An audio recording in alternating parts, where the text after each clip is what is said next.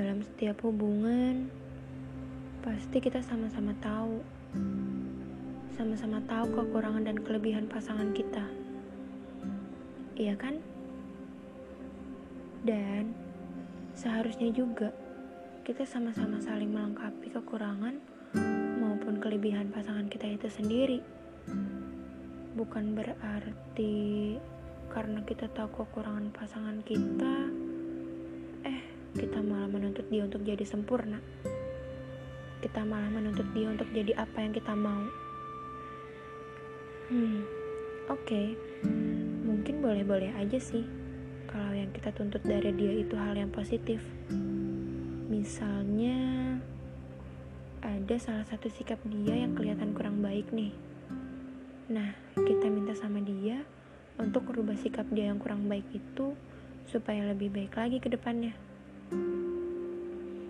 Bukan tuntutan yang justru bikin pasangan kita tuh gak jadi diri sendiri. Bukan tuntutan yang justru bikin pasangan kita gak percaya diri.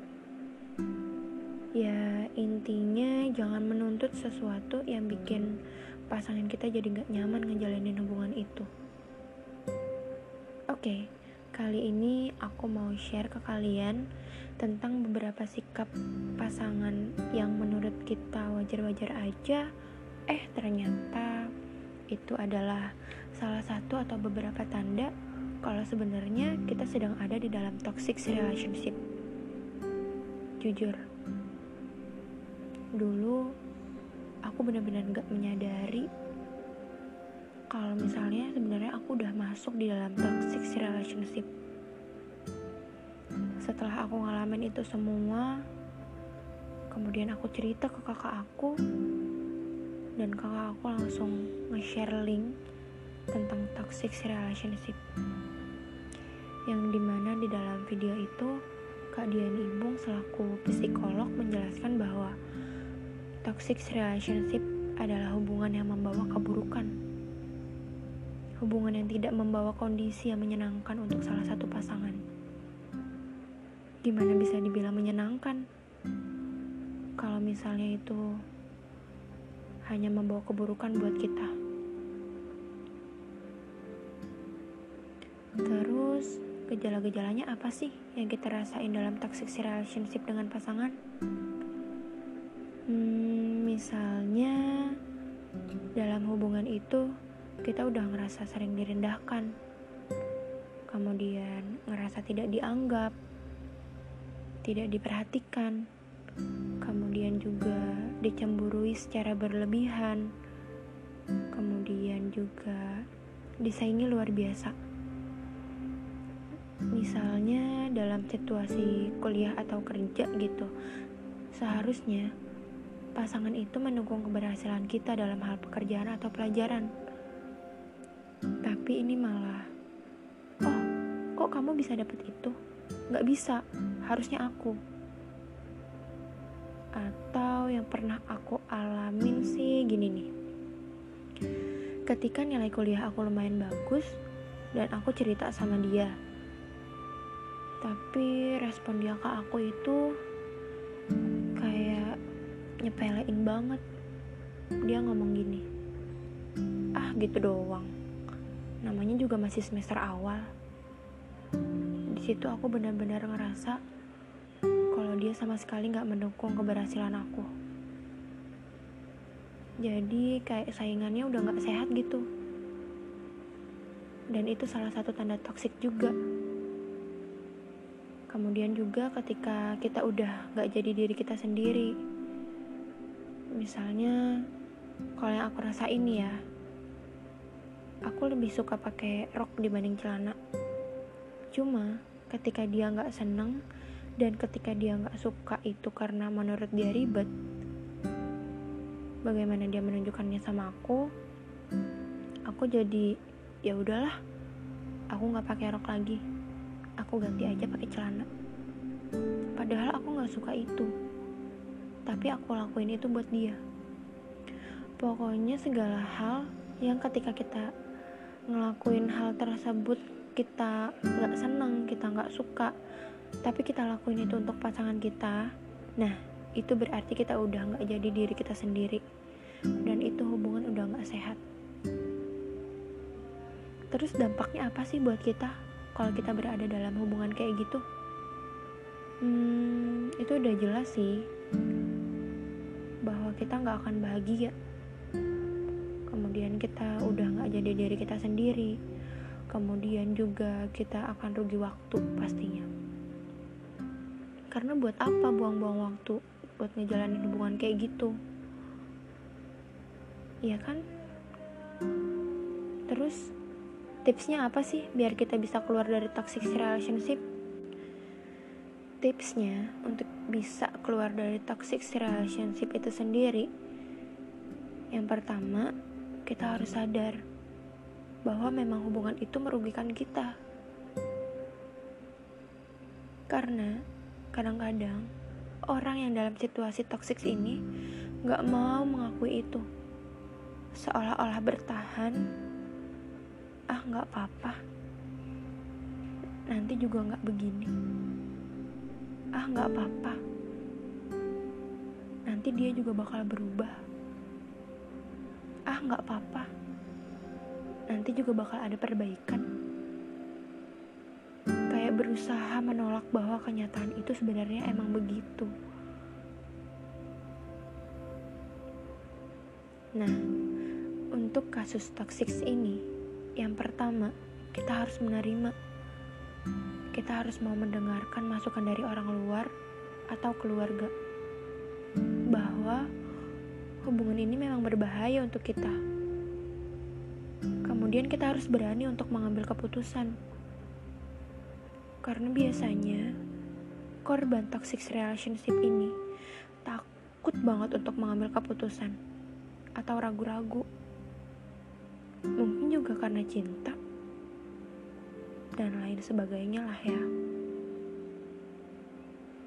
Kalau masih memang masih terasa berat,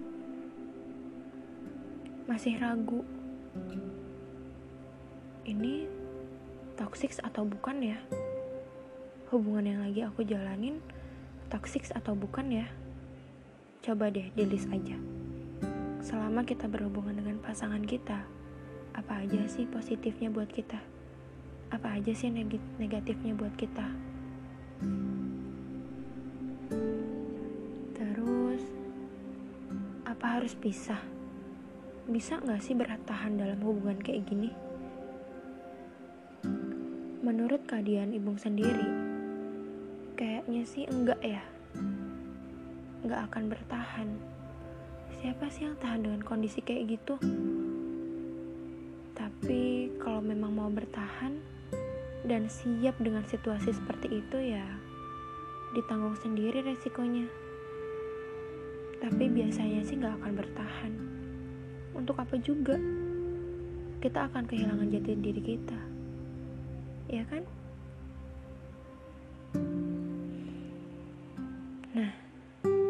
Penjelasan Kak Dian Ibung tadi, aku pernah ngerasain itu semua.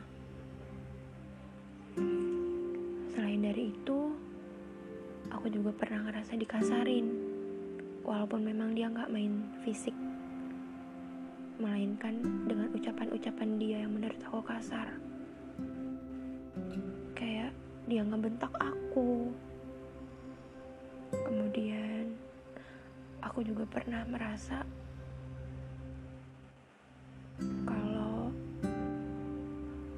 banyak hal negatif yang datang ketika aku ngejalan hubungan sama dia. Kemudian di sini aku ngerasa dia nggak nggak mensupport aku. Terus aku ngerasa selalu dikontrol sama dia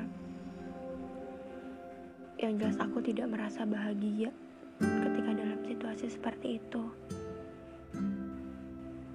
Aku sering dikata-katain, dasar gendut. Ih jelek banget sih, ih jerawatan. Mungkin menurut dia itu biasa aja, tapi enggak buat aku. Kemudian aku ngerasa kalau dia itu perhitungan banget sama aku.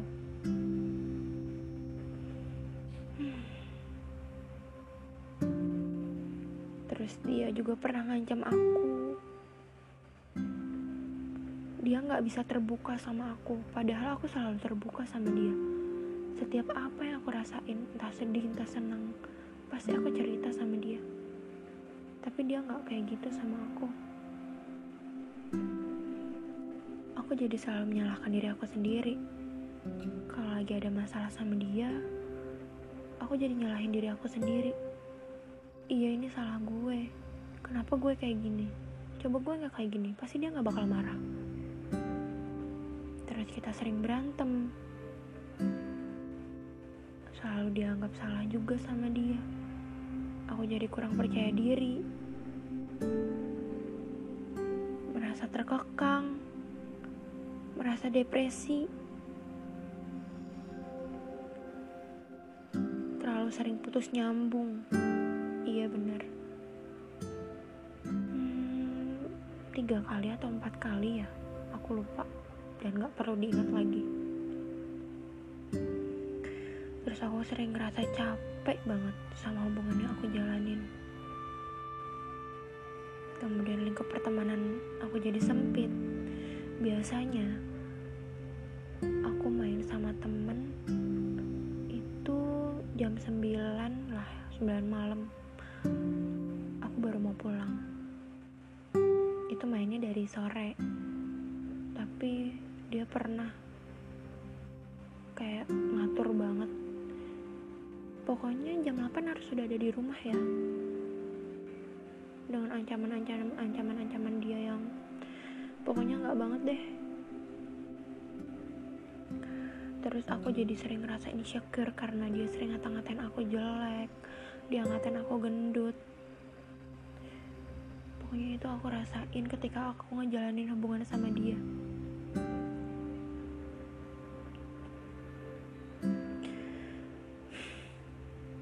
waktu aku belum tahu toxic relationship yang sebenarnya itu seperti apa aku masih anggap sikap dia yang kayak gitu itu wajar. Walaupun memang aku nggak nyaman sih. Dan akhirnya aku memberanikan diri untuk keluar dari hubungan kayak gitu. Dan lagi-lagi itu semua nggak bisa instan. Iya susah banget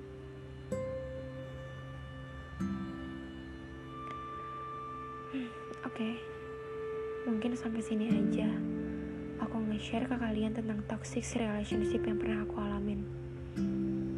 Semoga bermanfaat dan banyak pelajaran atau pengetahuan yang bisa kalian ambil ya. Dan aku sangat berharap kalau kalian ngerasa sedang dalam uh, masa atau sedang dalam hubungan seperti ini, aku berharap banget ayo kalian harus berani buat ambil keputusan. Kalian harus berani buat keluar dari hubungan yang kayak gitu. Jangan mau kalian diperlakukan seperti itu sama laki-laki yang gak tahu dia itu jodoh kita di masa depan atau bukan. Pokoknya semangat terus buat kalian. thank you